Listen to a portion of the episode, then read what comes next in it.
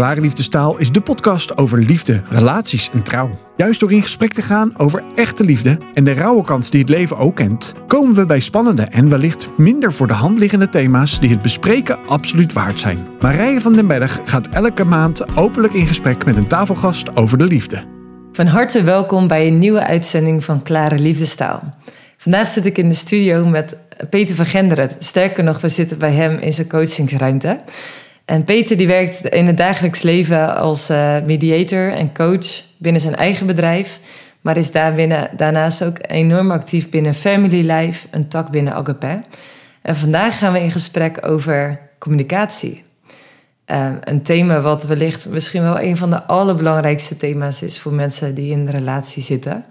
Um, en tegelijkertijd is het ook iets wat iedereen raakt. Of dat je nu een relatie hebt of geen relatie hebt toekomstige relatie zou wensen of wat dan ook. Is communicatie echt zo essentieel, Peter?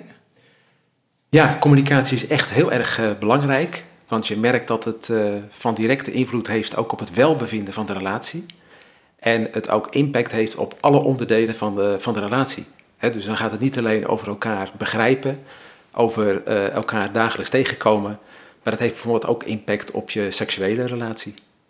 En, en al heb je het over communicatie, wat is dan jouw definitie van communicatie? Want het is echt zo'n containerbegrip. Klopt. Het bevat eigenlijk zoveel, maar wat is dan echt communiceren? Ja, het is inderdaad een heel breed begrip. En uh, wat mij wel eens helpt ook bij communicatie is om je in te denken dat je een zender en een ontvanger hebt. En uh, het betekent dus bij communicatie dat je als zender een boodschap uitstraalt, zeg maar, uitzendt. En uh, dat de ontvanger dan ook, hè, dat die boodschap op een goede manier binnenkomt. Dus bij communicatie is het zo, dus datgene wat je eigenlijk wil overdragen, wat je uitzendt, dat dat ook binnenkomt bij die ander zoals jij het bedoelt. Maar dat is wel interessant, want de vraag is dan, ben je gericht op je boodschap of ben je gericht op de ontvanger?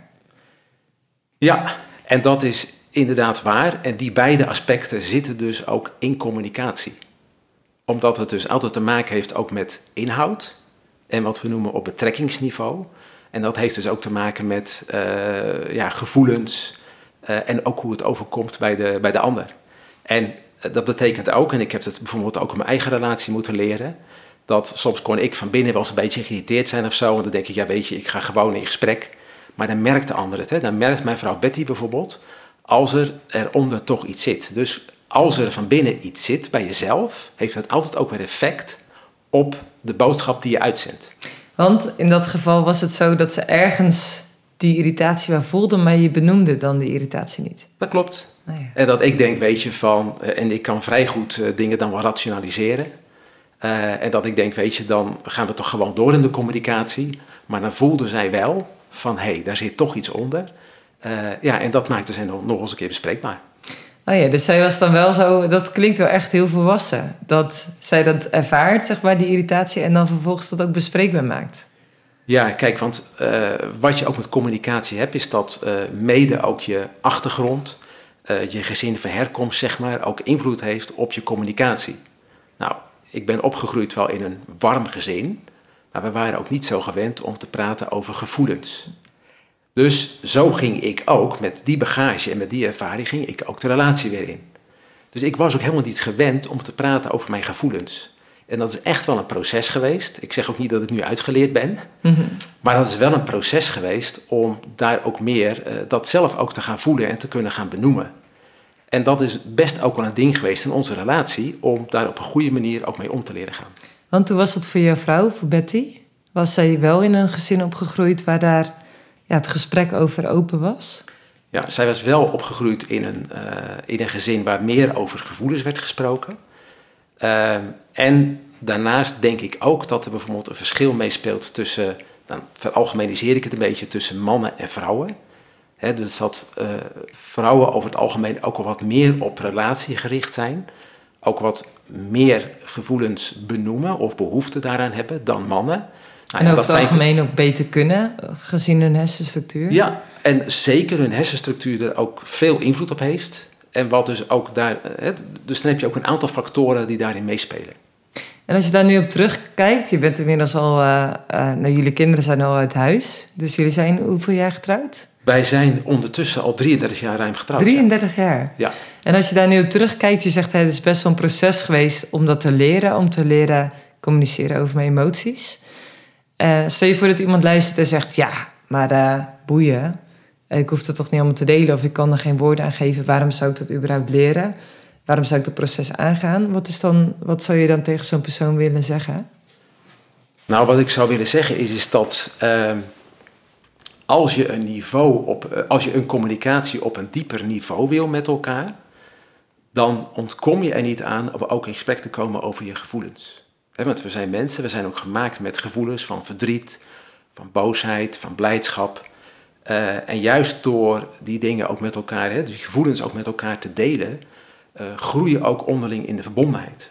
Dus als je het daar niet over hebt, zal je, op, uh, je relatie ook meer oppervlakkig blijven. Tegelijkertijd zul je ook merken, want bijvoorbeeld als er boosheid zit, en in elke relatie heb je op enig moment daarmee te maken. En als je dat ook niet benoemt, dan kan dat ook heel makkelijk blijven zitten. En kan dat ook uit gaan groeien. Dus je doet jezelf tekort, maar ook je relatie tekort, als je het daar niet over hebt. En die nou, ander kan ook niet leren. Als je niet deelt waar je geïrriteerd over bent, eh, dan kan die ander daar ook niks uh, aan doen of, of van leren, zeg maar. Doordat je dat ja. openlijk deelt met die ander, zonder dat die ander wellicht doorheeft dat je dat super irritant vindt. Klopt. Heel terecht punt. Ik uh, kreeg in mijn praktijk ook uh, heel regelmatig stellen binnen waar het niet loopt, ook in de relatie, die ook uit elkaar gegroeid zijn. En dan gebeurt het soms ook dat een van beiden aangeeft van weet je, ik wil stoppen met deze relatie. En dat, de ander, dat het dan voor de ander als een donderslag bij helder hemel komt. Tegelijkertijd, als je daarover doorpraat, dan zie je dus dat het al een proces is bij degene die er een einde aan wil maken. Dat het vaak een proces van jaren is. Alleen, door allerlei redenen, soms om de ander te beschermen, of uit angst om het te delen, of het conflict te willen vermijden, uh, is het niet gebeurd. Wist die ander het ook niet? En hebben ze er ook niet, zijn ze ook niet in de mogelijkheid geweest om erover door te praten of om iets te doen met de onderlinge relatie of verhouding of hoe je op elkaar reageert. Ja. Dus ontneem je inderdaad elkaar ook de mogelijkheid om daarin te groeien. En als je kijkt naar jouw ervaring met al die stellen die je inmiddels gecoacht hebt, wanneer je dus niet leert praten over de dingen die echt bij jou van binnen leven, en de dingen waarvan je wellicht zegt, hè, dat wil ik niet met de ander delen, want dan kwets ik de ander wellicht. Eindigt dat dan ook veelvuldig in relatieproblemen of zelfs scheiding? Het is in ieder geval een belangrijke reden uh, waardoor mensen steeds verder uit elkaar groeien. En je ziet in nog wat situaties waardoor het dan wel eindigt in een scheiding. Je kan ook hebben dat mensen gewoon heel erg hun eigen leven leiden. Uh, en het accepteren dat hun relatie op een heel gemiddeld niveau is. En daarmee toch vanwege de zekerheid of ze hebben al bij hun eigen leven of wat ook, dan toch verder gaan. Uh, maar in nogal wat gevallen zie je dus dat het echt uh, ja, verder uit elkaar groeit. En dat mensen elkaar gaan kwijtraken, steeds kritischer op elkaar gaan worden.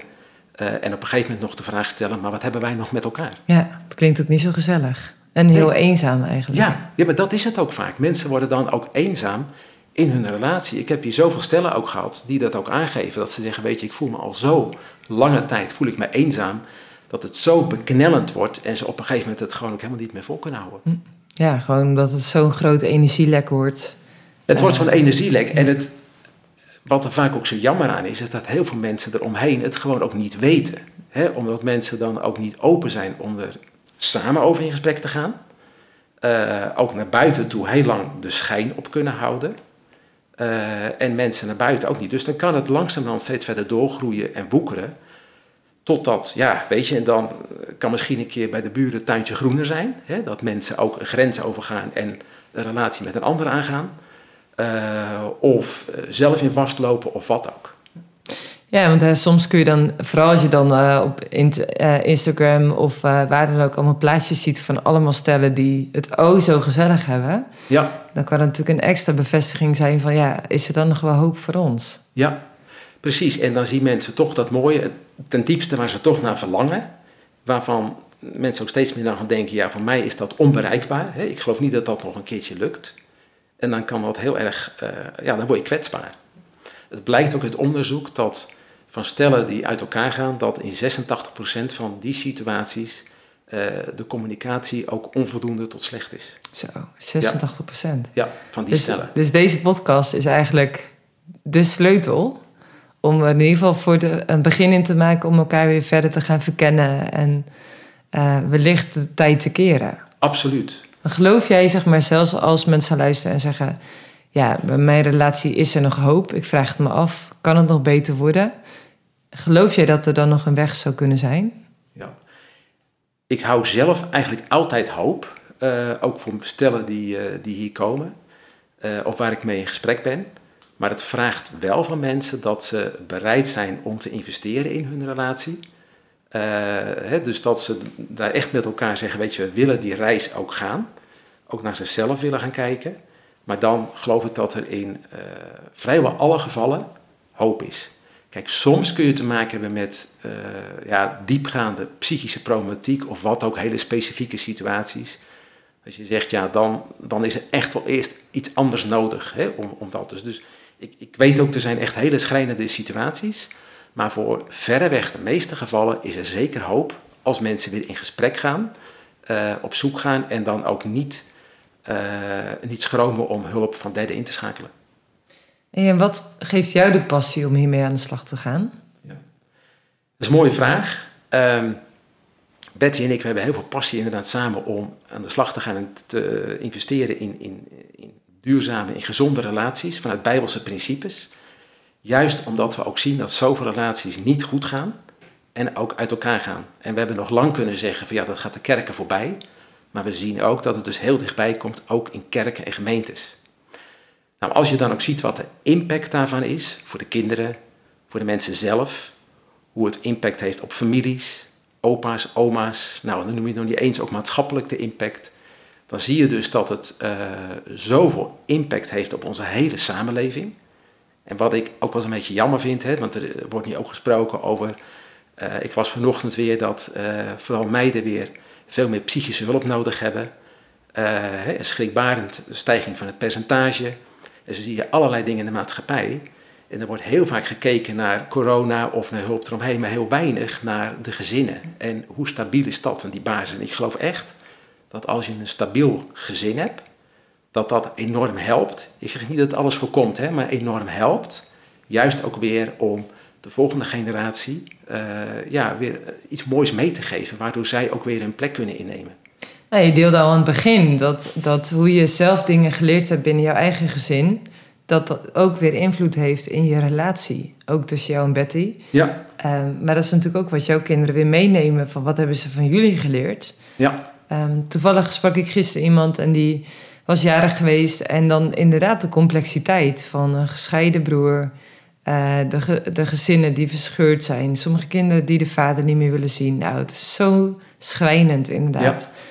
Uh, maar ook de impact, dus niet alleen maar op het gezin zelf op, op, of op het leven van een ouder, maar ook op de levens van alle mensen ja. die eromheen hangen. Ja.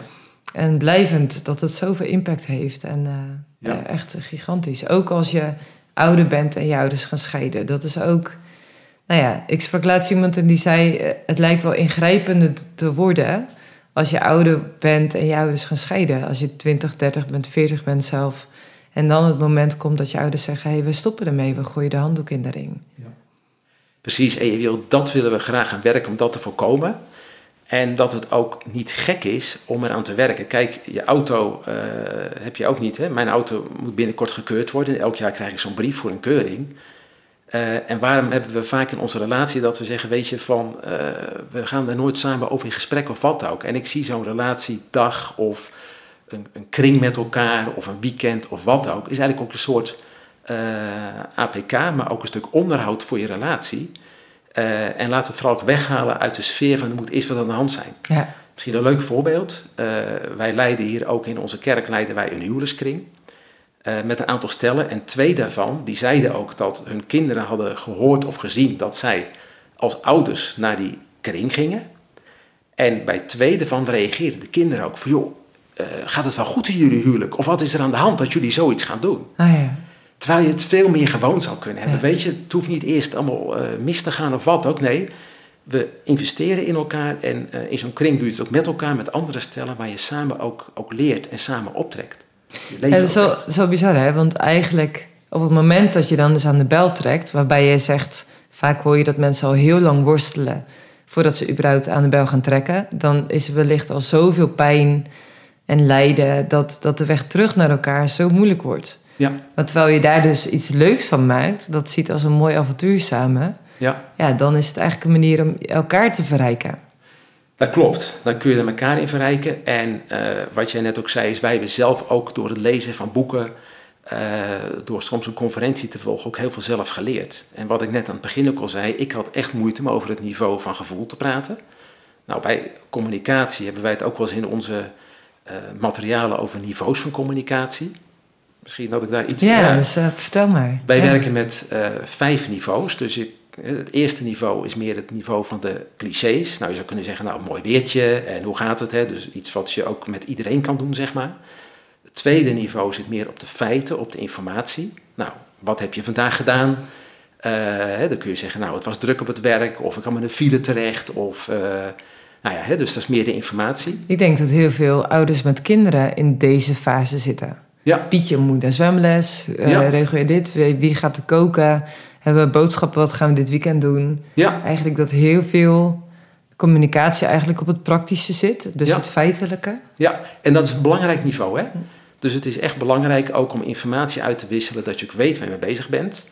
En eh, als ik een dag weg geweest ben en Betty vraagt hoe was het, dan kan ik nog eens een keer zeggen, nou het was goed hoor.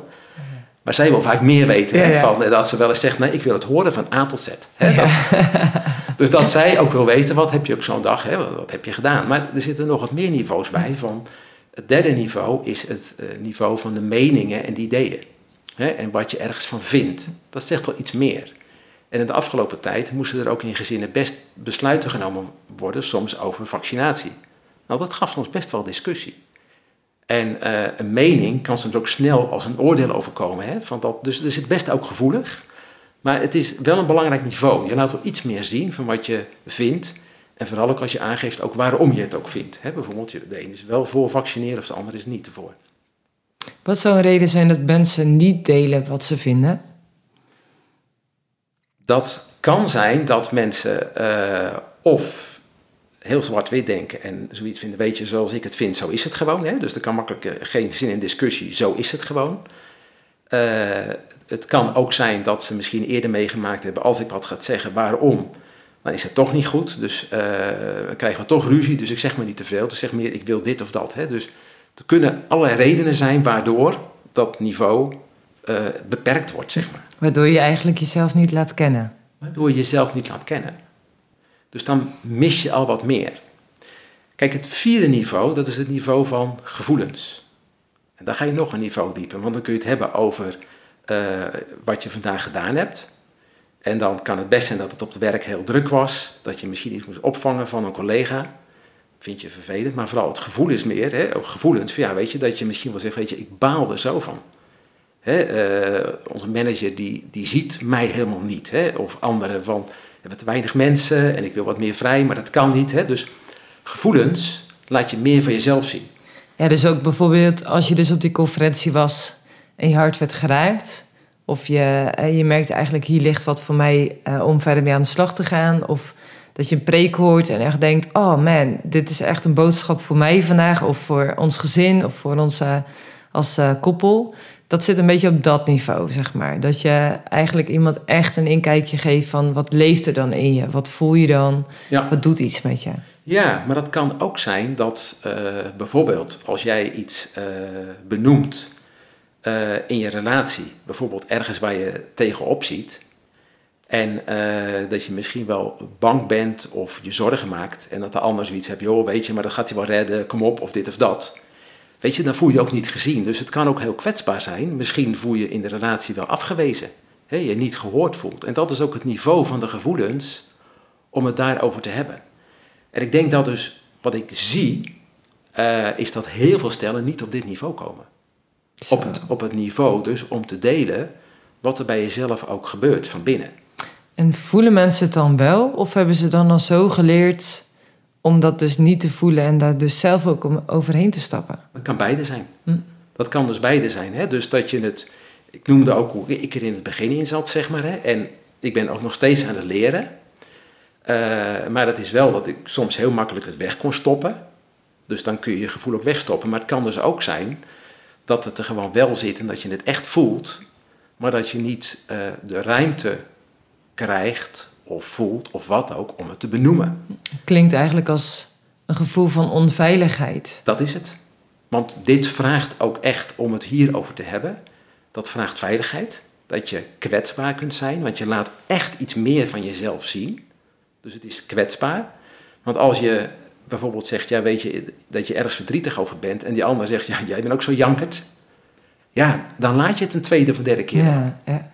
Het is ook logisch dat het dan ook niet veilig voelt. Dan is het niet veilig.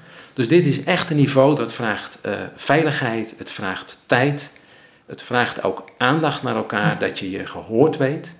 Uh, ja, hier zit je echt op die communicatie. Ja, dus ook een moment van focus. Dat, dat je even alles kunt laten vallen om echt even mee te leven, mee te voelen met de ander. Of dat nou positieve, nou, dus zo moet je het eigenlijk niet. Uh, of dat nou een positieve ervaring is of een heftige ervaring. Ja. Negatieve emoties bestaan niet, maar dat je daarin echt van betekenis kunt zijn voor elkaar. Ja, en uh, wij hebben in de tijd ook, want wij hebben hier zelf ook echt wel mee geworsteld om dit een plek te geven. Uh, wat ons sowieso erg hielp, want je bent ook als man en vrouw ben je verschillend. Dat, uh, ja, weet je, wij kunnen elkaars verwachtingen of wat ook. Die, die, je kan nooit 100% aan, aan de anders verwachtingen voldoen. En de een heeft echt veel meer behoefte om op een bepaald niveau door te praten dan de ander. En het heeft ons erg geholpen dat ook in een relatie uiteindelijk ja, God onze behoefte voor 100% kan vervullen. Dat haalde de spanning er al af. Vervolgens hebben wij ook gezegd, weet je, we gaan de tijd nemen, we gaan regelmatig wandelen. Even de spullen los. De kinderen waren toen ietsjes ouder, dat we ze achter konden laten, een half uurtje of een uur.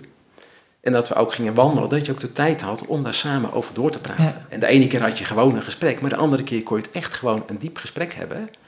Waar je dus kan focussen. En als je wandelt, hoef je elkaar ook niet te diep in de ogen te kijken. Het praat ook wat ontspannen. Hè? Autorijden kan ook zo'n ontspannend ja, moment of zijn. Of samen afwassen. Of afwassen. Zolang dus, er geen kinderen omheen uh, huppelen. En dan moet je eigenlijk geen vaatwasser hebben. Dus daarom nee. is het eigenlijk misschien wel goed als die vaatwasser... En die van ons is stuk, dus dat okay. brengt weer wat moois. Ja, ja, ja nou zeker. Maar dat, nou ja, dus dat helpt wel. Maar dat vraagt ook gericht keuzes maken om dat een kans ook te geven. En dat vijfde niveau? Dat is het niveau van het hart, uh, de intimiteit. Dat je ook echt je hart laat zien, ook je binnenste. Het zit wat dicht bij het gevoel, maar dat je ook echt laat zien wat het, wat het je doet, waar je behoeften zitten. He, dat je soms echt nodig hebt, een, misschien een arm om je, om je schouder. Of dat je echt zo'n behoefte hebt dat je weet dat de andere voor jou is. Ja, dus het is eigenlijk nog een, diepje, nog een laagje dieper. Niet alleen maar wat je voelt, maar eigenlijk ook waar je dus behoefte aan hebt. Waar ja. je naar verlangt. Ja, ja.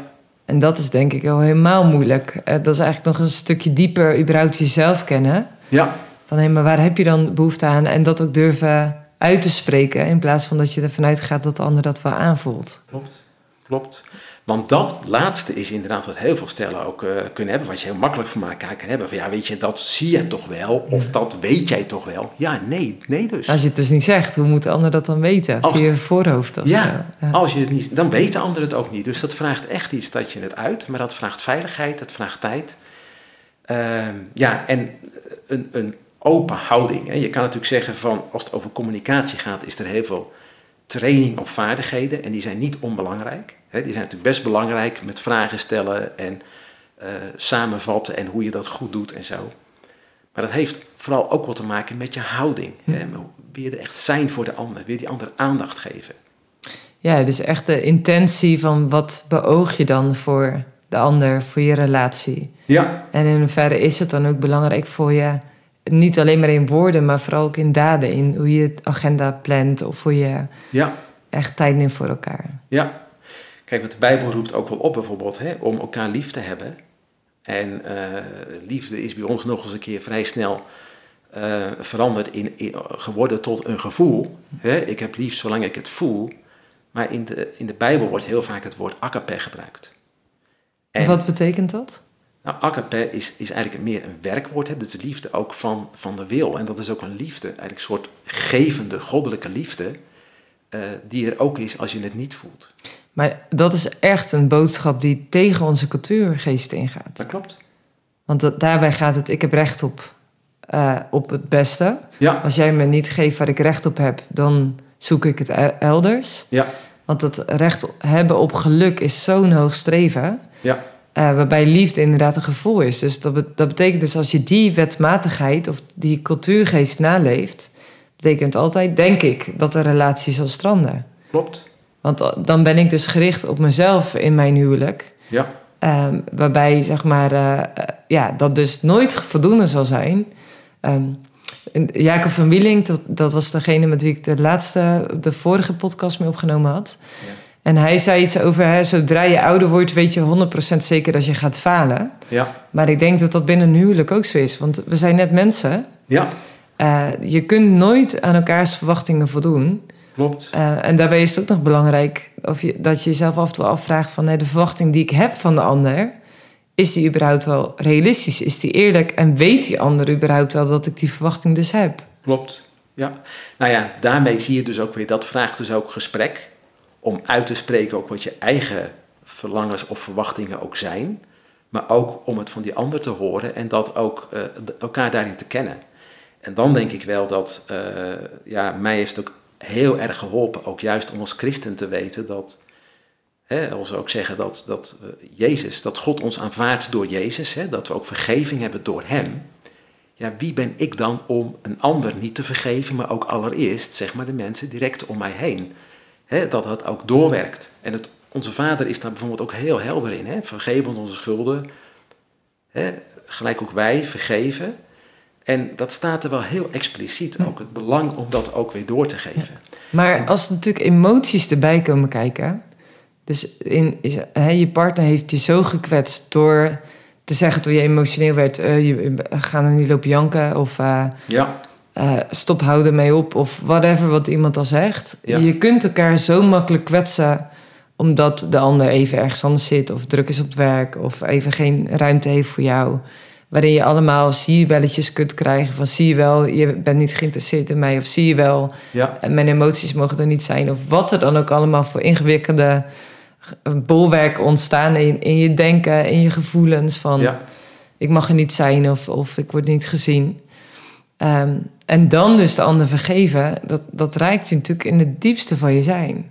dat klopt. Hoe werkt dat dan? Hoe kun je dan iemand vergeven als je partner je eigenlijk heel erg diep gekwetst hebt en je voelt dat nog steeds? Ja, ja.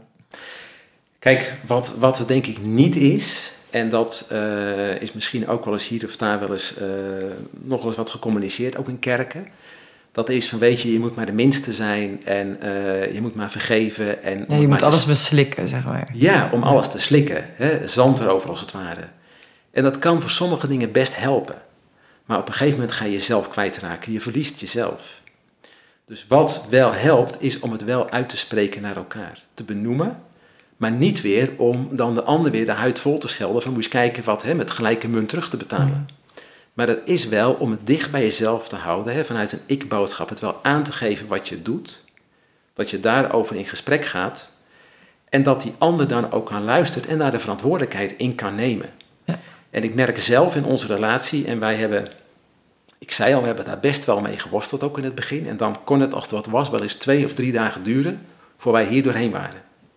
Bij elke keer was het wel, als we er doorheen waren, gaf het wel heel veel lucht en ruimte, want dan was het weg. Nou, tegenwoordig zijn we wat, eh, Wat sneller. wat sneller daarin. Na 33 jaar. Is Na wel 33 bemoedigend. jaar? Ja. We hebben nog steeds af en toe wel een muur te slechten, zeg maar. Maar het gaat gelukkig een stuk sneller. Maar je merkt wel, dan is het ook weg. En ehm, daarin, eh, kijk, ik had zeker in het begin nog eens de neiging om dan makkelijk te zeggen: joh, laat wel, kom wel, hè, laat maar, het komt wel goed. Betty had dat veel minder. Dat vond ik wel eens mega irritant. En tegelijkertijd merkte ik ook wel hoe helend het is. En ik vind het ook zo mooi, hè, als je kijkt 1 Korinthe 13, vers 5 is dat geloof ik. Daar staat ook, weet je, liefde rekent het kwade niet toe. En er wordt dus een woord gebruikt eigenlijk, wat ook gebruikt wordt voor een boekhouder die dan allemaal bedragen bijhoudt en balansen maakt hè, van al die verschillende bedragen en dan optelt.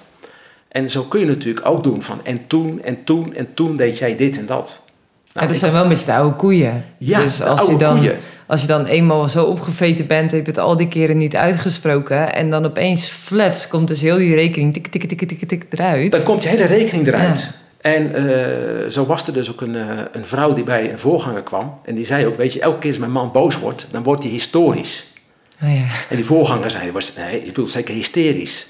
Nee, zei ze, historisch. Want elke keer Als die boos wordt, krijg je weer geschiedenisles van wat ik fout gedaan heb. Oh ja, heftig. Nou, dat bewijst dus dat je het niet hebt kunnen loslaten. Hè, vergeven is ook loslaten. Dat betekent niet van goed praten of doet er niet toe. Maar het is wel dat je het loslaat. Hè, mij komt het oordeel niet toe. Ja. En eh, als je dus oude koeien uit de sloot hoort, hè, of je hebt zelf die neiging, dan zit het er dus. En dan moet je eigenlijk wat mee. Ja.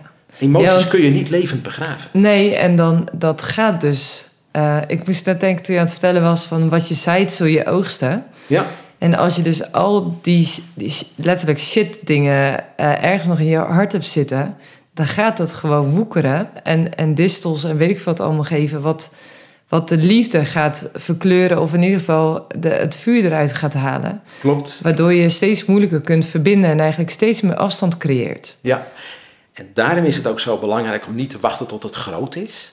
Maar juist al, hè, ook eh, die kleinere dingen, hè, Spreuk heeft het over de, wat is het, of Hooglied, de kleine vossen in de Ja. wijngaard, wat die kunnen doen. Ja, en Hooglied 2. En Ja. Hooglied, juist om die kleine dingen ook al daarover in gesprek te gaan. En niet te wachten tot het heel groot wordt, want dan wordt het moeilijker. Ja, voor degene die de Bijbeltekst niet kent, daar staat dus geschreven dat je de kleine vosjes die de wijngaarden stuk liepen, de bloesem in de wijngaarden stuk liepen, dat je die moet vangen. Eh, want anders kan die wijngaard dus geen vrucht dragen. Dus daarin is het belangrijk om die kleine vosjes die voor het oog wellicht ja, betekenisloos lijken, om die dus al aan te pakken en Ja. daarin eh, ook mee aan de slag te gaan. Ja, ja klopt. Maar dat vergt soms wel het moed, denk ik. dat is het. Ja, Ik, ik weet wel, eh, ik ben nog niet zo lang getrouwd. Dus in mijn aanloop naar, naar het trouw toe, ja, dan leer je elkaar kennen. En dan af en toe dan hobbel je wel eens ergens overheen. En ik weet nog wel dat ik op een gegeven moment eh, tegen mijn man zei, nog voordat we getrouwd waren, van ehm, er was iets gebeurd. Ik weet niet precies, ik voelde me volgens mij geïrriteerd. En eh, liep een beetje te mokken, denk ik. En dat ik later tegen hem zei, maar wat leren we hier nu eigenlijk van? Want blijkbaar eh, heb ik een bepaalde verwachting of een bepaalde behoefte. En dat die situatie leerde mij dus iets over. Waar heb ik dan behoefte aan of wa- wat vind ik dan vervelend? En juist in het samenleven denk ik dat je enorm vaak ehm, onbewuste verwachtingen of behoeftes, verlangens eh, leert kennen van jezelf of van de ander. Juist door alle hobbeltjes waar je wel eens overheen gaat. Waarbij het de kunst is om daarop te reflecteren. Van hé, maar wat leren we nu eigenlijk van wat net gebeurde? En hoe kunnen we dat geleerde ook weer toepassen in onze relatie, communicatie en daarmee ook onze intimiteit die we samen hebben? Precies, want ik denk ook het laatste wat je zegt, hè, dus dit is echt een hele goede vraag ook om mee te nemen. Wat leer je hiervan? En ik heb ook wel geleerd van, weet je, het is niet om te zeggen van ja, ineens vanaf nu gaat alles goed. Hè, want Nee. eh, patronen veranderen, Ja, eh, dat heeft ook best tijd nodig. Daar moet je elkaar ook eh, regelmatig op wijzen. Maar zeker ook voor de intimiteit, voor de seksualiteit, heeft dat dus heel veel impact. Kijk, wat heel makkelijk kan gebeuren ook, en dat is ook communicatie, dat bijvoorbeeld één van beiden wat toenadering zoekt, een hand op de schouder of een, een hand op een been bij de ander, en dat de ander denkt, oh help, Hm. van eh, hier heb ik even geen zin in. ja, En zich dan terug gaat trekken. Zonder woorden. En die ander die dan begint, die initiatief neemt, die voelt dat weer als afwijzing. En die voelt zich afgewezen en neemt afstand. En de ander voelt zich weer schuldig. Ja, weet je, dan ben ik weer degene die de schuld heeft, waardoor mijn partner zich afgewezen voelt. ja, En dat kan zo makkelijk een patroon worden, waardoor als dit wat langere tijd gaat duren eh, en je hebt het er samen niet over, dan kom je in een situatie terecht dat de ene op de slaapkamer ligt en de ander ligt boven op een klein kamertje. eh, allebei dus eenzaam. allebei eenzaam Ja. ligt en allebei vol schuld eh, of boosheid of afwijzing daar ligt. En eh, zeker ook het terrein van de seksualiteit, daar wordt over, ook door stellen, zo weinig over gesproken. En Eigenlijk onvoorstelbaar. ja, maar we zien natuurlijk ook heel makkelijk in de films die, die eh, op Netflix of andere plekken. Hè, is het zo eh, gangbaar van, weet je, eh, seks is altijd leuk en je hebt altijd zin. En, maar zo werkt het niet. Nee. Hè, want je hebt met te maken met dit en je bent niet volmaakt. En als er kinderen komen of met werk en je bent druk en je zit verschillend. De hormonen van een vrouw, de Ja, cyclus. ook ja, dat. gaan ze maar door. En, en al dat soort dingen die meespelen. Dus ook voor dat terrein is het zo belangrijk om met elkaar te gaan communiceren. Ja, Brene Brown zegt altijd zo mooi dat juist door kwetsbaarheid die verbinding dus ontstaat. Ja. En ehm, laatst was ik iets van Kokkie Drosten. Dat vond ik zo eh, inspirerend in de zin van dat ik dacht: oh, dat gaat zoveel mensen helpen op dit vlak. Dat zij zei: als er een moment van intimiteit is, hoeft dat nooit toe te werken naar een hoogtepunt. Het hoeft niet altijd helemaal alles erop en eraan, zeg maar. Die Ja. arm op je schouder of dat moment van een zoen of een kus. Dat hoeft niet altijd daarin te eindigen. Klopt. En als je dat ook kunt bespreken van, weet ik veel, gewoon daarover te hebben wat je wel of niet fijn vindt, Ja. eh, dan leer je ook iemand anders een stukje van je hart kennen. Om dus nog mooiere seksualiteit samen te kunnen krijgen. Ja, en het haalt ook de druk eraf. En juist ook in de veiligheid eh, van een relatie, van een huwelijk. Hè, waar je als partners voor elkaar gekozen hebt. Ook in die ruimte, daarin ook eh, elkaar de ruimte te geven. En eh, ook van elkaar te leren wat, je, wat prettig is of wat past. En dat niet altijd die kers op de taart nodig is. Nee. En als iemand luistert en zegt: Oh man, hier willen wij in groeien, of hier zou ik graag met mijn partner in willen groeien. Wat zou dan een eerste stapje kunnen zijn? Nou, wat, eh, wat sowieso goed is om samen in gesprek te gaan. Er zijn goede boeken eh, om hierover eh, te lezen. Heb je een tip? Of zetten we die even in de, in de beschrijving erbij? Als Die kunnen we misschien ook op de beschrijving erbij zetten. Daarnaast zijn er ook allerlei organisaties die bijeenkomsten, dagen of kringen organiseren. Kijk, wij zelf, ik zit zelf dan bij Family Life van Agape. En wij hebben dus regelmatig wat we noemen ADT's, a day together. Dus dat is één dag. Oh Eh, ja, een soort together. Ja, ja. voorstellen. Hè? Een, een, een dag voorstellen. Dat kan dus zijn eh, samen met een kerk of een gemeente. Of we hebben de komende maand eentje in, eh, op 15 oktober in, eh, in Driebergen. Ehm, dat je dus één dag hebt om samen daarin te investeren. Eh, hè, dat is heel helpend. Je gaat in gesprek. We hebben ook materiaal voor huwelijkskringen. Om een jaar ook met vier andere stellen ook op te trekken. Dan heb je steeds weer een verschillend thema. Daar ga je met elkaar doorheen. Je leert van elkaar.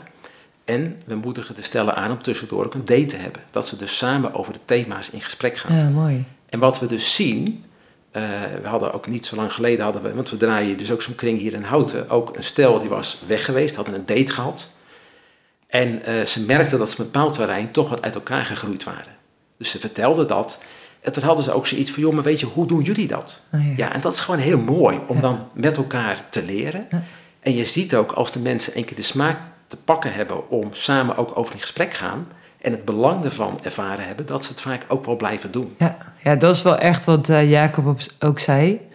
Ehm, dat je af en toe externe inspiratie in je relatie moet brengen. Om het gewoon ook inspirerend te houden voor elkaar. Of gesprekstof te hebben. Of juist ook makkelijker dat zetje, dat duwtje in de rug te krijgen. Om, eh, om bepaalde thema's die best wel kwetsbaar zijn ook bespreekbaar te maken. Ja, en dus ik, het maakt het eigenlijk makkelijker. Je initieert eigenlijk het moment. ja.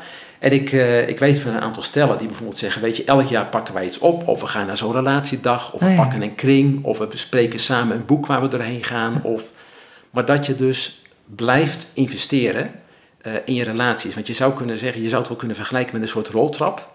Hè, die naar beneden gaat. Als je op zo'n roltrap die naar beneden gaat, je wil omhoog. Ja. Dan moet je wel in beweging blijven. Ja. Anders ga je naar beneden. Ja. Nou, in een relatie is ook stilstand is achteruitgang.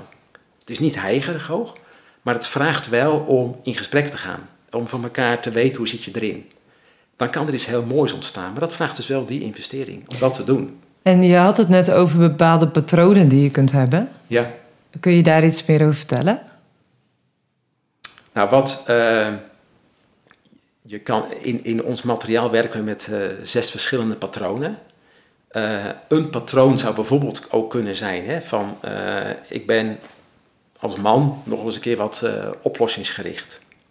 Hè, dus als Betty was met een verhaal kwam en ze vertelde iets, dan had ik al gauw zoiets van joh, weet je, nou als je dat, dat of dat doet, dan, dan komt het goed. Hè, of daar hoef je er niet over in te zitten. Nou, dat kan een goed advies zijn, dat, dacht ik wel. maar dat is alleen niet genoeg. Alleen daar had zij niet de behoefte aan. Zij Nee. had de behoefte aan om gewoon een verhaal te kunnen doen. En eh, dan kun je zeggen, weet je, dat, dat, dat is een patroon wat vrij makkelijk kan ontstaan. Hè? Dat je zegt, de ene heeft meer de behoefte om te luisteren. eh, of de behoefte dat er geluisterd wordt, dat het verhaal er mag zijn. En de ander denkt, ja weet je, er moet nu een oplossing komen. En ik heb ook geleerd om te vragen, van, ja weet je, wat verwacht je van mij? Oh ja. En soms is gewoon een luisterend oor genoeg en dan hoef ik even niks. En de andere keer past het ook om daarna wel samen te kijken wat zou passen. En toen je die vraag voor het eerst stelde, was dat spannend? Want het kan ook een soort van, eh, als je zegt van hé, wat verwacht je van mij of wat kan ik voor je doen, kan ook een soort van een beetje ingewikkeld zijn, zeg maar, dat je dat vraagt. Of wat is jouw ervaring daarmee? Nou, dat was wel uh, inderdaad, je zegt wel even een iets ander patroon. Dus dan moet je ook echt even bewust zijn. Want ik, ik weet nog wat, dan neig je in het patroon en eens denk je, oh nee, we hebben het erover gehad. Ik moet even teruggaan. Nou, dan is het ook iets van leuk voor elkaar. Oké, en dat juist Betty het dan erg kon waarderen ook. Oké, dit is goed. Hè? Van, fijn dat je dat vraagt. Dus het is ook even van, je bent bezig. Voor je het weet zit je al een beetje in het patroon. In dat spoor. Dan denk oké, ik moet even terug. Kijk, je hebt ook genoeg andere patronen waarbij het meer is dat, uh, uh, dat je zeggen van, dat de ene bijvoorbeeld steeds wat aanvalt, uh, heel kritisch wordt naar de ander, en dat een ander zich juist meer gaat terugtrekken en stil wordt. Hm. Ehm, ik weet van iemand die zei, ja weet je, als het dan spannend is, ik zit zo graag hier in mijn garage, ben ik aan het klussen. Maar dan ontvluchtte die ook thuis. Hè? Want als hij dan thuis kwam, dan moest dit gebeuren of dat was niet goed. En hij had dus echt ook het patroon gekozen, weet je, van ik kies dan om het terug te trekken. Dus zo kunnen er wel allerlei patronen ontstaan, waardoor of stellen niet meer praten, of je voelt je niet gehoord. Uh, ja, in ieder geval wat, wat de communicatie dan belemmert. En in ieder geval niet uitnodigt om meer van jezelf te laten zien. Ja, en eigenlijk dan komen we een beetje terug bij het begin van ons gesprek. Dat als je dus als persoon iets wil communiceren naar de ander, dat het dan ook heel erg belangrijk is om na te gaan, hey, wat, wat breng je allemaal mee zonder alleen maar de feitelijke informatie die je daarin deelt? Hè, wat leeft er aan behoeftes of verlangens in je hart? Wat voel je erbij? Ja. Uh, en daar ook dat gesprek over aan te gaan, maar daarin ook die ander te zien. Dat je uh, je boodschap op een bepaalde manier brengt, dat die ander niet wegvlucht omdat hij denkt: oeh, je confronteert me, of het is echt nooit leuk thuis. Of ja. op een gegeven moment zit je natuurlijk in zo'n negatieve spiraal dat je nou, echt bewust eruit moet stappen of beide eruit moet stappen. Of nou, je jezelf realiseert, het is echt zo moeilijk om die roltrap weer omhoog te lopen als je iedere keer onderaan zit, zeg maar, dat je bijna omvalt, zeg maar. Omdat je al zo ver afgedaald bent met elkaar en dat je denkt, hé, maar redden we het? Want als we weer naar gezond willen, dan moeten we echt flink stappen maken om weer tegen die neerwaartse uh, uh, roller, ja.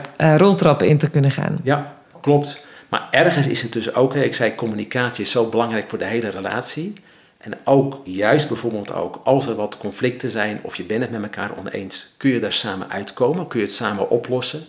Uh, dat is eigenlijk zo'n uh, graadsmeter ook voor, uh, ja, houdt zo'n relatie wel of niet stand? Het zijn wel dit soort dingen. Als je misschien onderuit valt, hoe ga je daarmee om? Trek je je terug? sluit je jezelf op? Of denk je, ja weet je, maar hier moet ik gewoon echt wat mee. Ja. En dan kom je dus weer bij dat moment, wat is dan je intentie? Wat beoog je?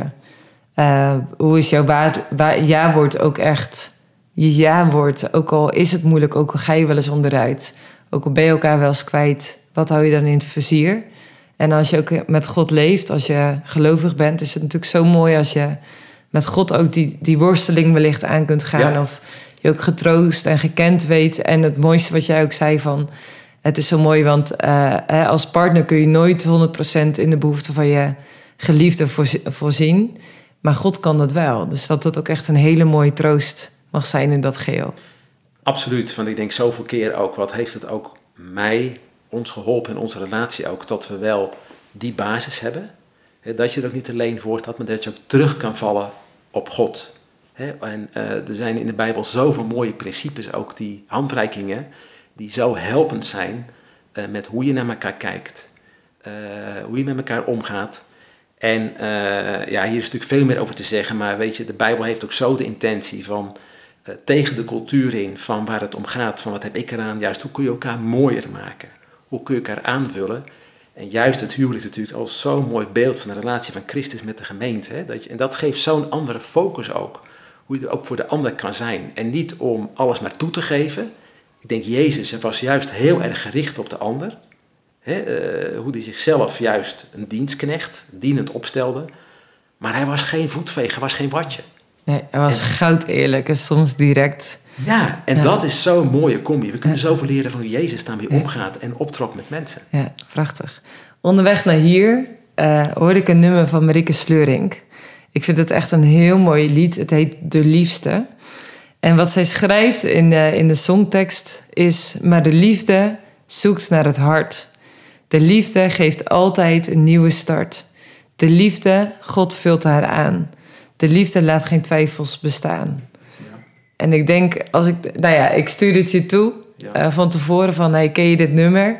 Maar eigenlijk vind ik het zo'n mooie slotzin eigenlijk in, uh, in het gesprek wat we samen hadden. Ja. Een mooie aanmoediging, ook een bemoediging van uh, zoek naar het hart van de ander. En als je het hart even kwijt bent, als, uh, als je het even niet meer ziet, ja, ga dan die APK aan, zoek hulp of ga het gesprek samen aan. En maak er een feestje van. Dus niet pas als het vergane glorie is of je denkt, is er überhaupt nog wel hoop? Uh, maar maak er een mooie traditie van om samen elkaar verder te leren kennen, te verkennen en samen gewoon een hele goede tijd te hebben. Zeker, amen. Dankjewel Peter voor je heerlijke verhaal. Graag gedaan. En ook een mooie aanmoediging. Uh, deze podcast komt begin oktober 2022 uit.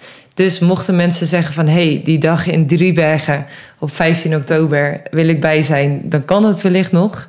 En anders adviseer ik je als luisteraar om aan te haken bij... Uh, nou ja, alles wat je kunt volgen van Family Life... de tak van Agape die juist ook gaat over... hoe kunnen we relaties versterken... en jou als, ja, als partner van... of jullie samen ook te inspireren op het gebied van relaties... liefde en seksualiteit. Ga ervoor.